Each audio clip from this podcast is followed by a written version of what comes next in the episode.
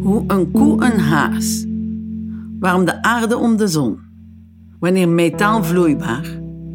Hoe snel een raket. En waarom? Er zijn zoveel dingen die ik niet begrijp. Wat een rijkdom. Welkom bij de podcast De Zeven Zonden van Brabant. Mijn naam is Karin Bruurs en deze aflevering draait om hoogmoed. Kennis is macht en bij macht ligt de arrogantie, de hoogmoed altijd op de loer. Terwijl je ook je best kunt doen die kennis over te dragen. Dat brengt ons op het trainingsveld van Willem II, op de thema's waarheid en identiteit. Maar als het over hoogwaardige kennis en hoogmoed gaat, waar beter te beginnen dan op de universiteit? Hoogmoed, heb, heb jij last van hoogmoed? Ik probeer heel erg te... Maar je begint heel voorzichtig te praten. Ja, nou, dan zie je het al. Nee, ik, uh, ik denk dat ik het had, maar dat ik het ben kwijtgeraakt. Oh, hoe kom je er vanaf? Nou, door tussen mensen te zitten die heel veel slimmer zijn dan jij. En dan te beseffen dat je zelf toch ook maar een stumper bent, denk ik. Dat is het toch vooral.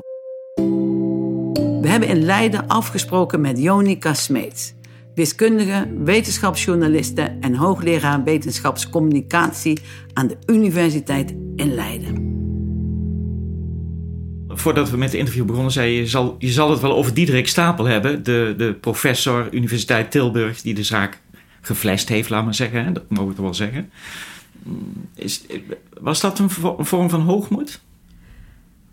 Ja, nou dat was het eerste waaraan ik eigenlijk dacht toen ik dacht van waarom combineer je hoogmoed en wetenschap? En dacht ik, ja, dat is natuurlijk een ultiem voorbeeld van hoogmoed die voor de val is gekomen. En zijn voorbeeld is ook zo. Ehm, ik, ik, geef hier college over, dus ik heb er heel veel over gelezen. Uh, dat het heel tekenend is voor hoe het vaak gaat. Dus dat iemand dan een flitsende carrière maakt, heel goed is in uh, zijn vak.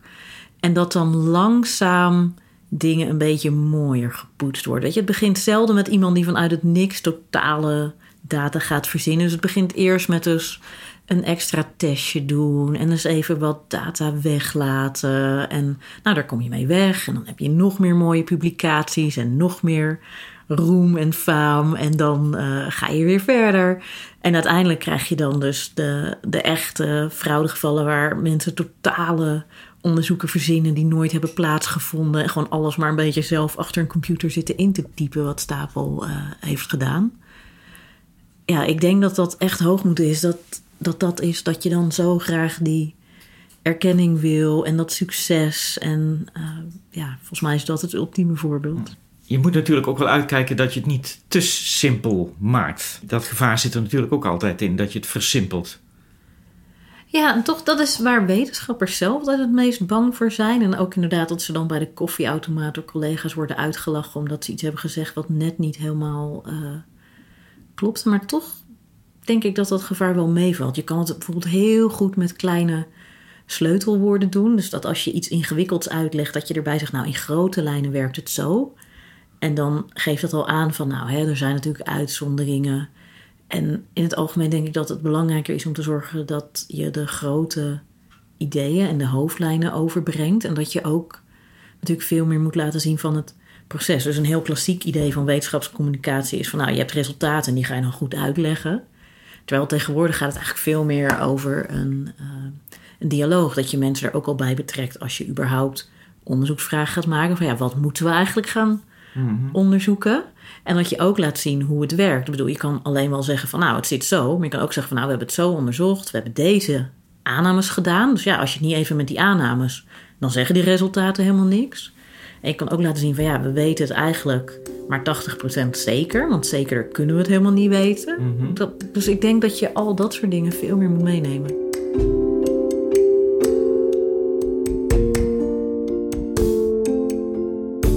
Erger jij je wel eens aan wetenschappers? Ja, ja ik erger me wel. Ja, zeker, zeker. En waar erger je je dan vooral aan? Aan, uh, In grote lijnen? Ja, ja, waar ik het meest aan erger is eigenlijk uh, egoïsme. Als mensen vooral gaan vertellen wat ze zelf leuk vinden. Dus een van mijn, uh, nou ja, een van de voorbeelden waar ik jaren later nog steeds helemaal chagrijnig van word, was een wiskundige die op tv een of andere formule ging uitleggen. Dat was echt vreselijk. En toen uh, vroeg hij na afloop van, nou, hoe vond je het? Dus toen uh, zei ik, ben vrij diplomatiek. Dus ik zei, nou, hoe vond je zelf dat het ging? En zei hij, nou ja, ik had het idee dat mensen het misschien niet helemaal snapten. Maar ik vond het zelf heel leuk dat ik die formule heb kunnen uitleggen. En toen dacht ik, ja, ja, gast. Waar, waar, waarvoor zitten we hier? Waarvoor doe je het dan? Ja. Dus dat vind ik eigenlijk het ergste als mensen helemaal ja, alleen maar bezig zijn met van nou, ik vind het heel leuk om dit te vertellen. Terwijl je denkt, ja, er zit intussen tijd een miljoen kijkers een soort verdwaasd te kijken. Weet je, ook als je dit als scholier ziet, dan denk je dus, nou, wiskunde is blijkbaar niks voor mij. Want dat zijn dit soort freaks die helemaal losgaan op een formule. Terwijl in werkelijkheid het vakgebied natuurlijk veel meer is dan ja. freaks die losgaan op een formule. Dus je, ja, dat, dat vind ik echt wel heel erg. En inderdaad hetzelfde ook, wat ik ook heel erg vind als mensen heel erg ook inderdaad hun eigen faam proberen op te blazen.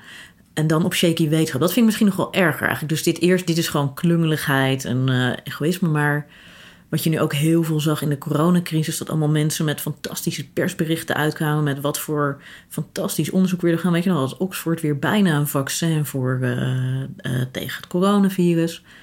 En dan ga je een beetje kijken. Oxford heeft in de hele geschiedenis van de universiteit nog nooit een vaccin gemaakt. Nooit. Weet je wel? Dat je denkt, ja, waarom zouden zij dit nu ineens kunnen?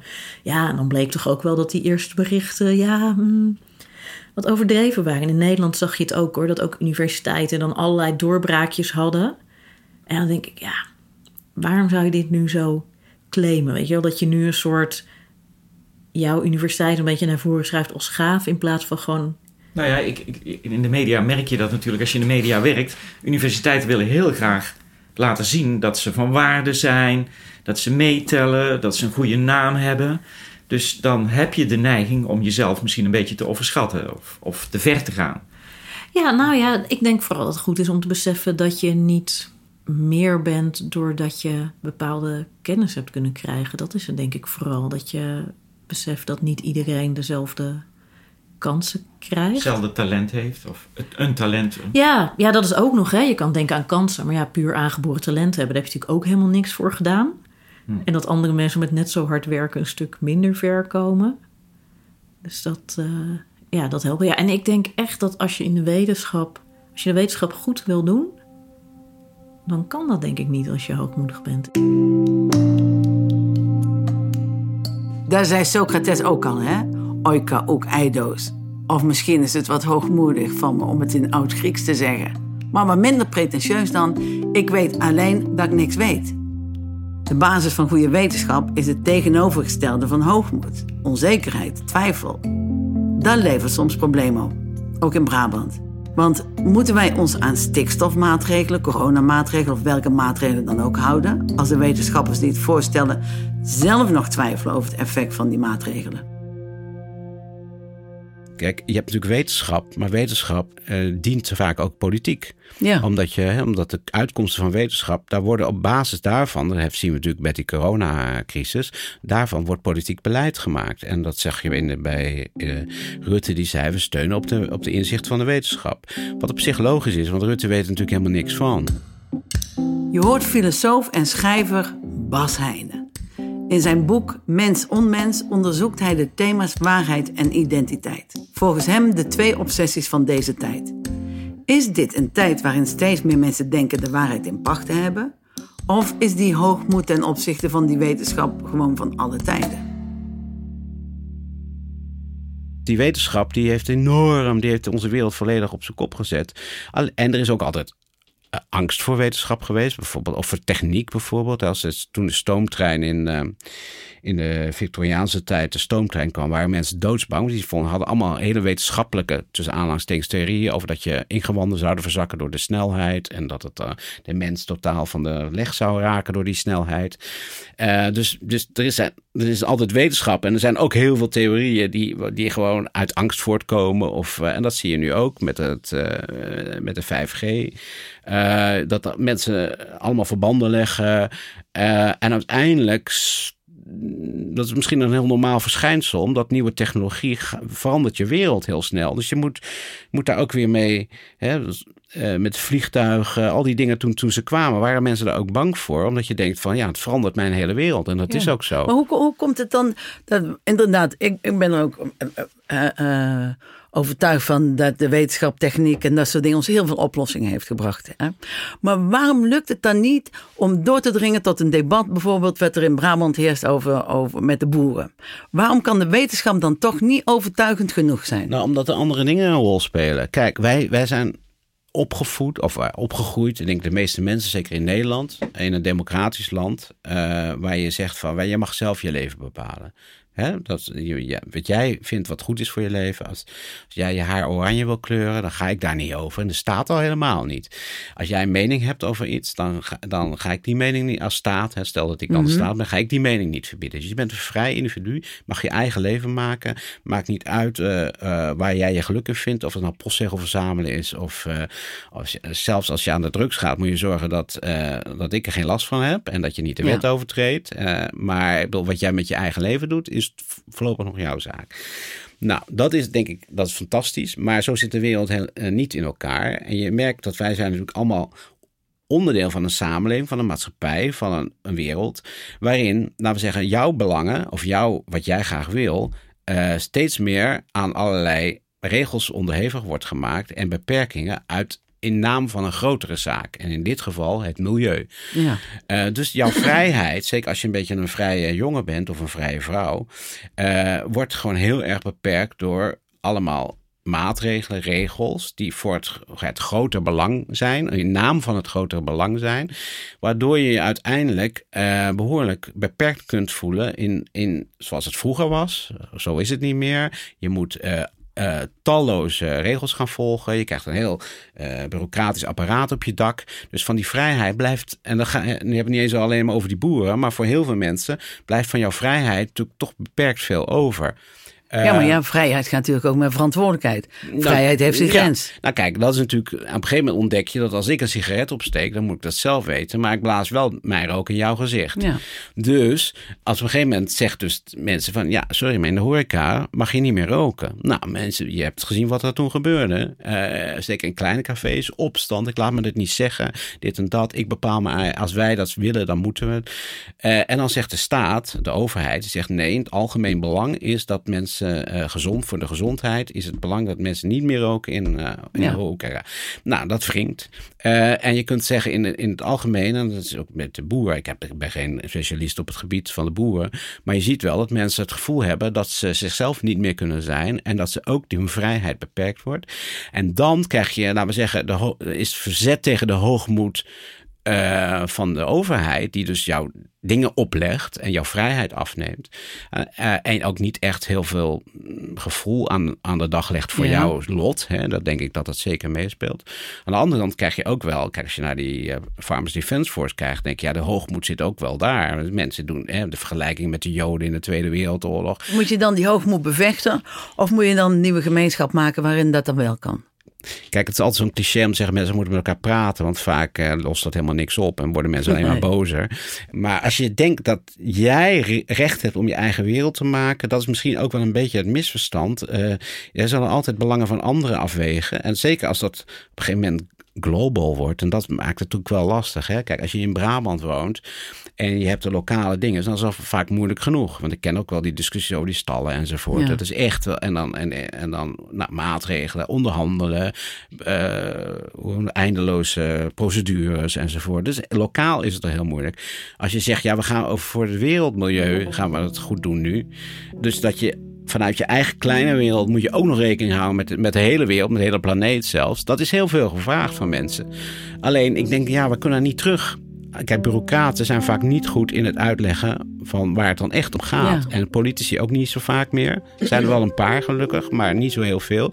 Die dus even zeggen, kijk, ik zie het probleem. En dan gaan we nu vanuit het probleem gaan we proberen een soort uh, houding te vinden waarin we, waar we allemaal mee kunnen leven. Ja. Kijk, soms is het gewoon hoogmoed. Dat mensen de controle verliezen over hun eigen leven. En dat gaan opeisen op een heel hoogmoedige manier. Dat heb je soms. En dat zijn, ja, die mensen moet je echt streng. Uh, of moet je echt hard tegenin gaan, vind ik. Uh, maar soms is het ook gewoon dat mensen zich niet. Of heel vaak is het dat mensen zich miskend voelen, niet gezien voelen.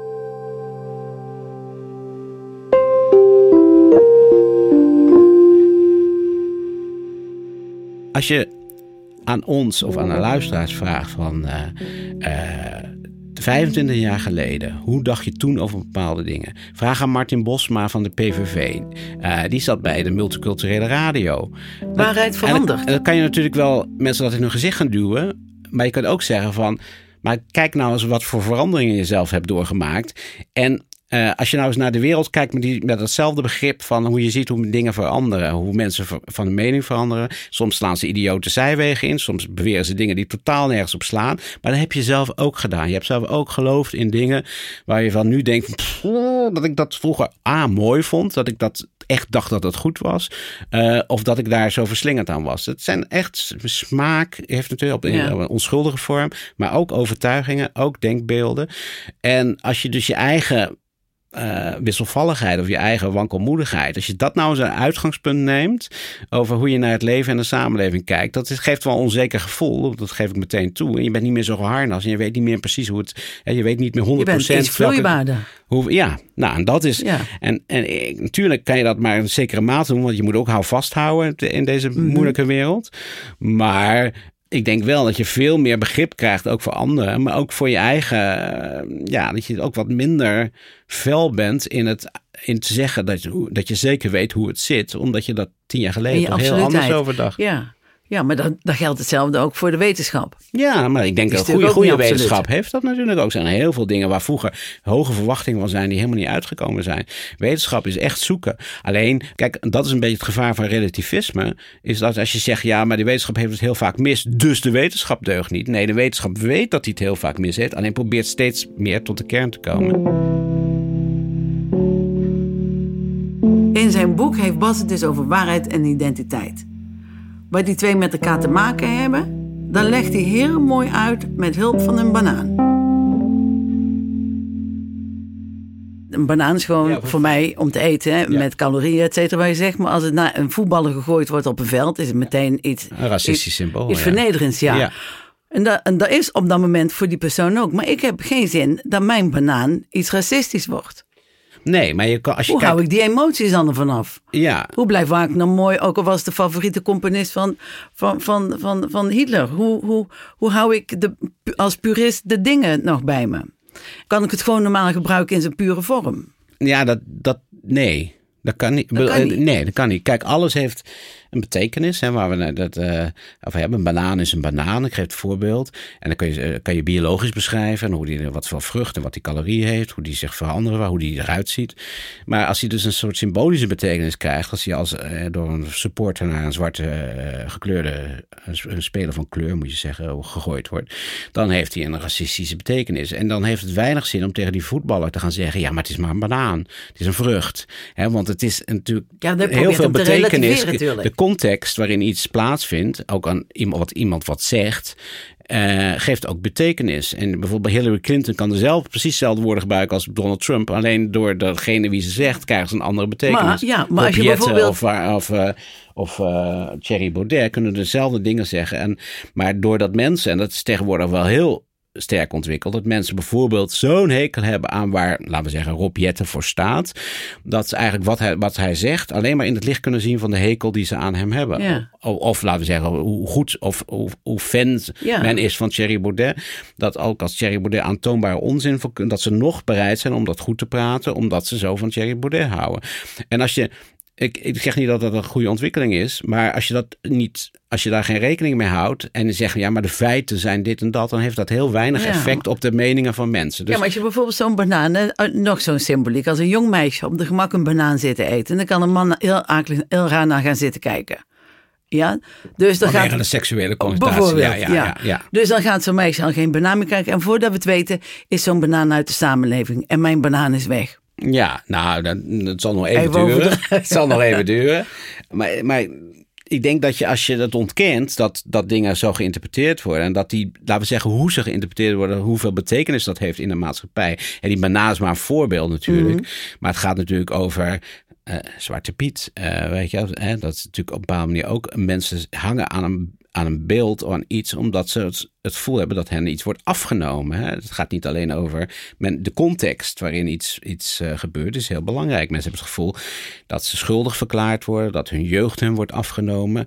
Uh, dat gaat veel verder dan alleen maar dat je denkt van, is het nou een racistisch symbool, weet je? Dat of een beetje make-up, ja. Hun hele leven wordt in vragen gesteld. En daardoor zijn mensen vaak zo boos. Terwijl je kunt ook op een gegeven moment, als je laag te zeggen, rationeel zou denken, zeg je ja, er zijn heel veel mensen die dat echt wel zien als een racistisch symbool. Het komt uit de 19e eeuw. Nou, dat is bijna alles wat met kleur te maken heeft, is racistisch. Misschien wel alles.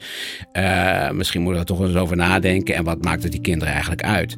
Als je zo, maar als je denkt van ja, maar ik word hier in een racistische hoek gezet. En, mijn, uh, en, mijn, mijn, vroeger heb ik zelf ook Zwarte Piet gespeeld. En er was niks verkeerds aan. En ik word in de beklaagde bank gezet. Dan heb je dus een veel reactie die heeft heel weinig te maken met voor puur het feit dat je zegt: vind je nou eigenlijk wel niet een beetje een racistisch symbool. Ja.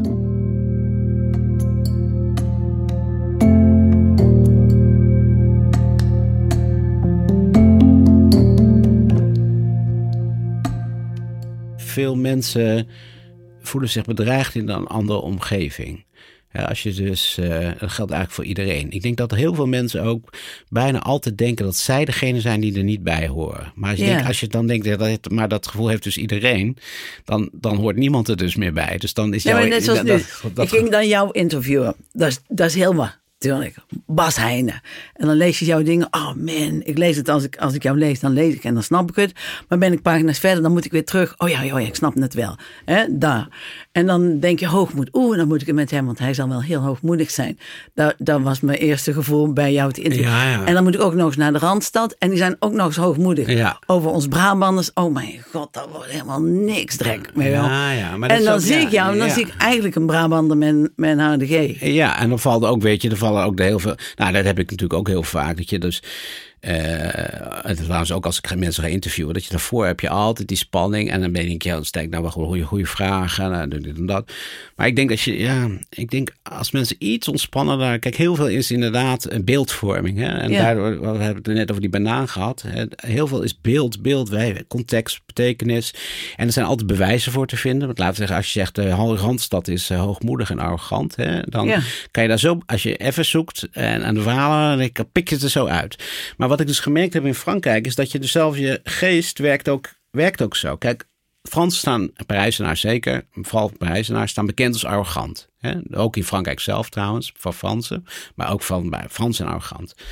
En dan zie je die ober die dan uh, niet bedient of, of, of brommend bedient enzovoort. Uh, maar dat is helemaal niet zo. Alleen elke keer als ik dan in uh, een winkel kom en ik word dus heel arrogant behandeld, denk ik, nou typisch Frans. Daar heb je ze weer. Ja. Uh, als ik dan een keer ontzettend vriendelijk behandeld word, wat eigenlijk veel vaker voorkomt, dan denk ik niet, dat is typisch Frans. Nee. Dan denk je helemaal niet. Dan denk je gewoon, dat is een aardig iemand. Nou, zo denk ik dat vooroordelen werken. Ja.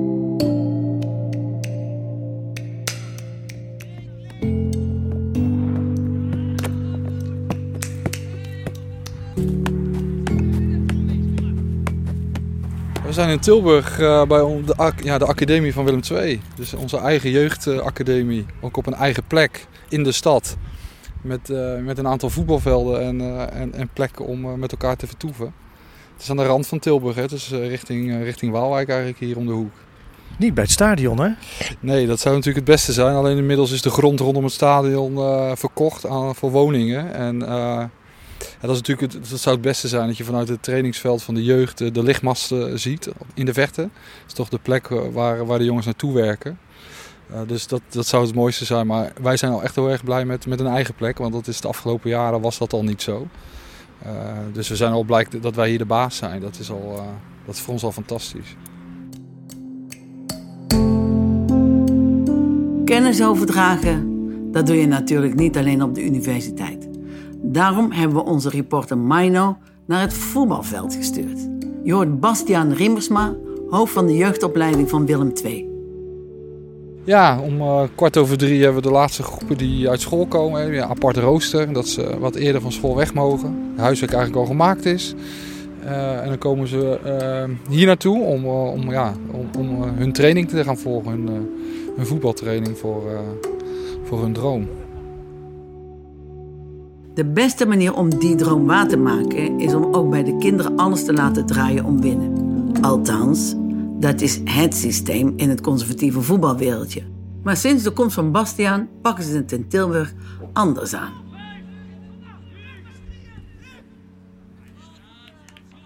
Ja, het systeem, hè. Vaak, uh, we hebben, dit is het systeem. We zetten steeds de beste jongens bij elkaar. En dan vallen er een hoop af. Er komen er weer een paar bij. En uiteindelijk aan het einde van het systeem halen er een aantal jongens de top. Het Nederlands elftal. En dan zouden we kunnen zeggen dat het systeem gewerkt heeft. Ja, ik zie het meer als een doos met eieren die we tegen de muur aan gooien. Er zal er vast één van, uh, van heel blijven. We weten alleen niet wie. En we weten niet hoeveel.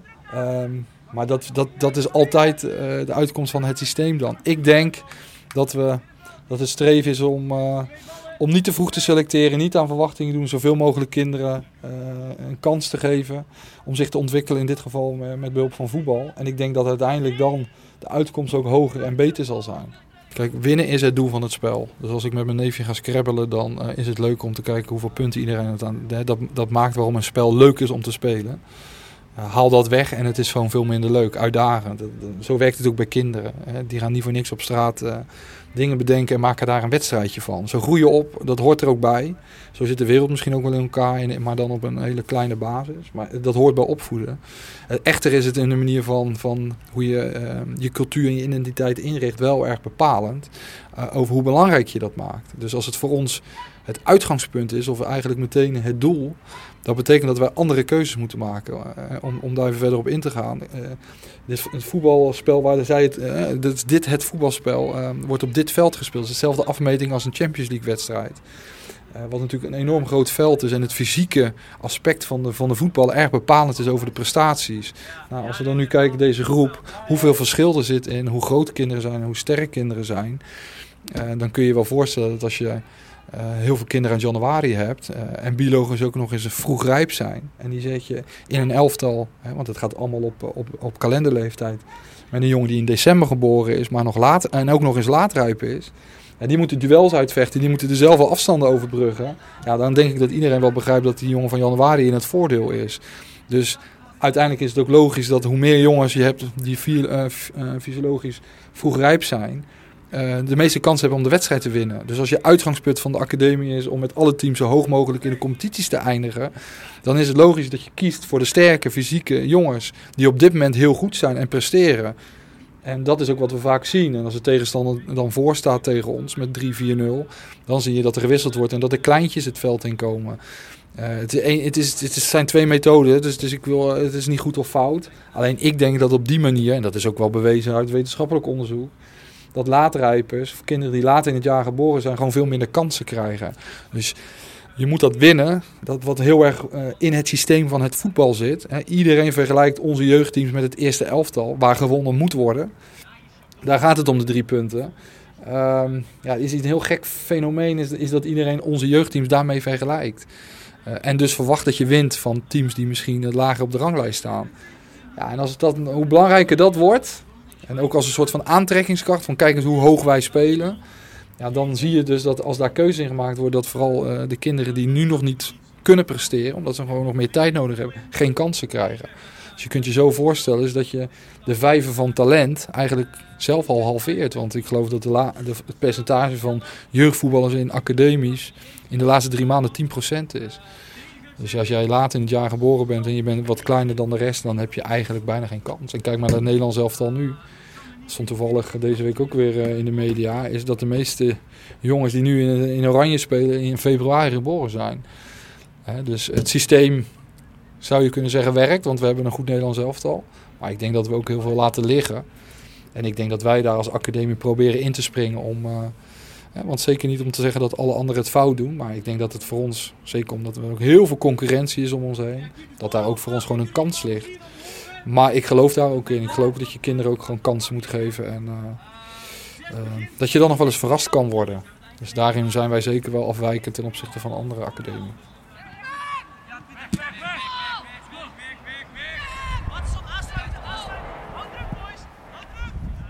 In hoeverre staan de jongens op een voetstuk? Ze trainen bij de Willem II voetbalacademie. Dat komt nogal aan in de familie natuurlijk. Ja, dat uh, zeker. Ik bedoel, op televisie worden we er ook dood mee gegooid met talentenjachten. En uh, we willen graag dat onze kinderen succes hebben. En, en dat, dat, ze dan daarvan gelukkig worden. Um, ja, en daar staat alles voor in. gaat, voor alles gaat opzij. En als ze maar kunnen presteren en, en hard kunnen trainen. En dat alles daarvan in het teken staat. En ja, dan kom je natuurlijk ook inderdaad op een voetstuk. Ik kan me voorstellen dat de jongens op school zijn toch wel een beetje de stoere jongens. Die bij Willem II spelen, wordt een beetje tegen opgekeken ja, is, dat, dat, dat is hun omgeving. Dus ze, ze zullen dat misschien onbewust ook wel, zal dat wel gebeuren. Uh, maar het is natuurlijk, ja, iedereen gaat daar anders mee om. Wij proberen in ieder geval uh, het zo normaal mogelijk te benaderen. Want het systeem zelf, de omgeving zelf, zorgt al een beetje voor, die, uh, ja, voor, voor dat beeld. en wat er thuis gebeurt, daar hebben we ook geen invloed op. Maar ehm, ja, er zijn wel kinderen in die als een prinsje thuis behandeld worden. Ja, omdat ze bij Willem II of bij een andere BVO spelen, zeker. Er is eigenlijk geen ruimte voor hoogmoed, want dan kom je er zeker niet. Ja, ik denk niet dat er, één, uh, dat er één systeem is of één formule. Het is zeker geen wiskunde. Het is, uh, het is de perfect storm voor degene die het haalt. En er zijn ook wel mensen misschien die het op die manier door de hoogmoed juist wel hebben gehaald. Dus alleen, uh, wat ik al zei, voor een sporter is het natuurlijk wel gewoon wel heel erg belangrijk om en met beide voeten op de grond te blijven, maar ook wel een realistisch beeld van, van de werkelijkheid te, te houden. Dus uh, ik denk uiteindelijk dat dat wel het beste is. In hoeverre speelt de rol van ouders soms ook mee? Dat die toch denken, ja maar mijn zoon, die heeft het echt. De push, de, de pushen. Ik denk dat het allerbelangrijkste eigenschap van een topsporter is uh, reflecteren. Dus waar sta ik nu, waar wil ik naartoe? En uh, wat moet ik daarvoor doen? Dus een realistisch zelfbeeld hebben, zodat je zodat je gericht aan de gang kan gaan om aan je verbeterpunten te werken. En ja, dan ontkom je niet aan om te zeggen dat voor ouders vaak dat beeld niet helemaal klopt met de werkelijkheid. Uh, dat is natuurlijk toch door een bepaalde bril kijken en uh, de perceptie van, uh, van de ouders is nog wel eens verschillend met onze, met onze perceptie. En dat komt omdat het je eigen kind is. dus daar zie je toch vaak vooral de goede punten in. En de mindere punten, ja, die, die worden nog wel eens over het hoofd gezien, misschien onbewust. Uh, het is ook logisch, je wil ook goed, uh, dat je kind het goed maakt en dat het goed gaat. Um, en het is moeilijk om kritisch te zijn misschien naar je eigen kind. Maar dat, dat kan er zeker wel uh, toe bijdragen dat het beeld van het kind zelf niet helemaal klopt met de werkelijkheid. Het kind komt thuis en krijgt natuurlijk te horen van papa en mama hoe zij het hebben gevonden. Um, dus ja, dat, dat kan nog wel eens afwijken, ja. Dat ze gewoon daarom allemaal anders op het veld staan. De ene is vanochtend liefdevol uitgezwaaid door mama met een lunchtrommeltje. En de andere is niet eens uitgezwaaid en heeft het allemaal alleen moeten doen. Maar toch staan ze hier met z'n allen op het veld en is de trainer bezig met zijn training. En dan gaan we er eigenlijk vanuit dat ze allemaal op dit moment klaar zijn om te leren. Terwijl het ene kind zit waarschijnlijk eh, met zijn gedachten nog heel erg anders. Hoeveel, in hoeverre houden we daar rekening mee? En als je het nou niet tot de prof schopt, of het nou om voetbal gaat of om de wetenschap, uiteindelijk heb je pas echt iets geleerd als dingen niet meer lukken. Ja, wat ik denk wat je wel veel hebt in de wetenschap, is dat dan als je jong bent, dan ben je vaak de beste van de klas of de beste van de school. En uh, dan gaat het allemaal heel lekker. En dan is het heel verleidelijk om te denken dat het allemaal komt doordat je zo fantastisch bent en zo slim. Uh, op een gegeven moment loop je dan tegen dingen aan die, die je niet kunt. En uh, dan besef je van, uh, nou ja, dat je dus ook wel veel geluk hebt gehad. Dus dat ik bijvoorbeeld heel goede docenten heb gehad. Dat mijn ouders me altijd hebben aangemoedigd. En dat ik misschien toch iets minder briljant ben dan ik, dan ik dacht toen ja. ik 17, 18 was. En, ehm, dus, dus het beste medicijn om tegen hoogmoed is eigenlijk met mensen om te gaan die beter zijn dan jij. Ja, volgens mij wel. En ook, de bescheidenheid treedt dan in werking. Ja, nou ja, natuurlijk ook bij de wetenschap, daar hoort natuurlijk ook twijfel. Dat je juist heel goed moet kijken naar de dingen die je niet zeker weet. Dus om verder te komen, moet je dat doen. Ja, en ik denk ook altijd dat, weet je, dat iemand zei van ja, als jij de slimste persoon in de kamer bent, dan zit je in de verkeerde kamer. En ik dacht, ja, dat is wel zo. Dat is toch altijd interessanter om met mensen te werken die iets kunnen wat jij niet kunt. En om mensen te zoeken uh, ja, die dingen beter kunnen. Want daar kun je weer iets van leren en dan kom je weer verder. Dus ik hoop altijd heel erg dat dat helpt tegen, tegen die hoogmoed.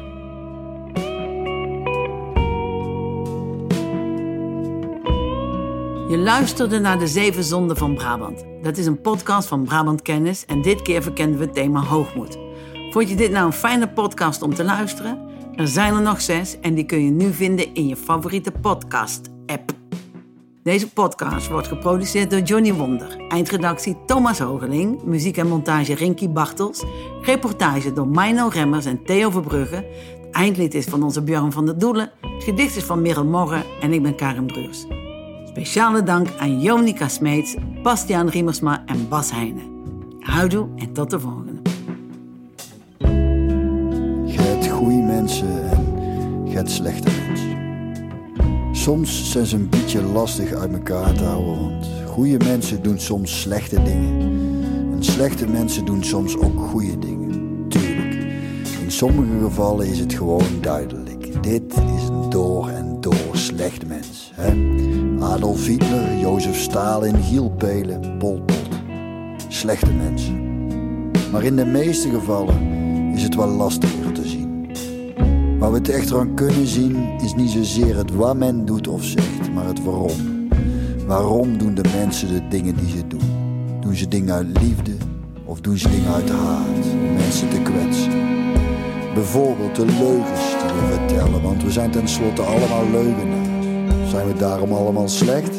Nee. Het gaat erom, vertellen we die leugens om iemand niet te kwetsen. Bijvoorbeeld, oh, je hebt een nieuw kapsel, wennen, maar ik vind het wel echt heel mooi. Of vertellen we ze om iemand juist wel te kwetsen. Die en die zei daar over jou. Maar leugen is om zowel degene tegen wie je het zegt, als mede degene over wie je het zegt pijn te doen. Slechte mensen. En zelfs bij iets wat we ten alle tijde als slecht ervaren, moeten we ons soms afvragen: is de dader nou een slecht mens? Bijvoorbeeld Martin Luther King, gezien wat de beste man voor de mensheid het betekent, mogen we hem denk ik toch zeker wel bij de goede mensen indelen. Echter, Martin Luther King was ook een fervent schuinsmarcheerder. Hij werd ook wel Martin Luther Swing genoemd. Was hij daardoor een slecht mens? Dat ligt eraan. Kwam zijn ontrouw voort uit de liefde voor de liefde, zo gezegd? Oftewel, was onze Martin gewoon zo scherp als een Duitse herder? Of piste die geregeld langs de pot om zijn vrouw moedwillig pijn te doen? Ik vermoed het eerst. Hij zal het waarschijnlijk ook ten alle tijde tegenover zijn vrouw ontkend hebben. Waar komt de gij zo laat vandaan? Ik moest overwerken, waardoor we weer bij het eerste voorbeeld uitkomen. De leugen die hij vertelde om zijn vrouw niet te kwetsen. Goed mens dus. En zet dat tegenover het vreemdgaan uit bijvoorbeeld wraak, wat de partner juist ter oren dient te komen, zodat deze zich gekwetst voelt, omdat er kennelijk een rekening te vereffenen valt. Waar komt de gijzelaar vandaan? Ik ben weer vreemd gegaan, wel trust en zie een slecht mens. Goed, wat kunnen we hier nou mee? We kunnen nou onderscheid maken tussen goede en slechte mensen. De goede mensen, daar moeten we van houden. Die moeten we soms vergeven, de fouten, de tekortkomingen, de momenten dat ons pijn wordt gedaan, want weet dat de goede mensen dat niet doen om ons pijn te doen, maar omdat het simpelweg ook maar gewoon mensen zijn, met al hun zwakheden en onhandigheden. En de slechte mensen die hoefden niet te vergeven, daar hoefden niet van te houden, die hoefden eigenlijk niet eens te haten, die hoefden enkel en alleen maar te negeren. Geen gevecht mee aangaan, geen discussie, geen ruzie mee beginnen, want dat is precies wat ze willen, waar ze drijft. Gewoon negeren. Of zoals ons moeder altijd zegt, lekker in rijgevet gaar laten smoren. Het kost de minste energie, ergernis en tijd, waardoor we alleen maar meer tijd en energie overhouden om van de goede mensen te kunnen houden. Ik heb voor het gemak mijn eigen ingedeeld bij de goede mensen. Dus hou van mij. En ik zal ook onvoorwaardelijk veel van jullie houden.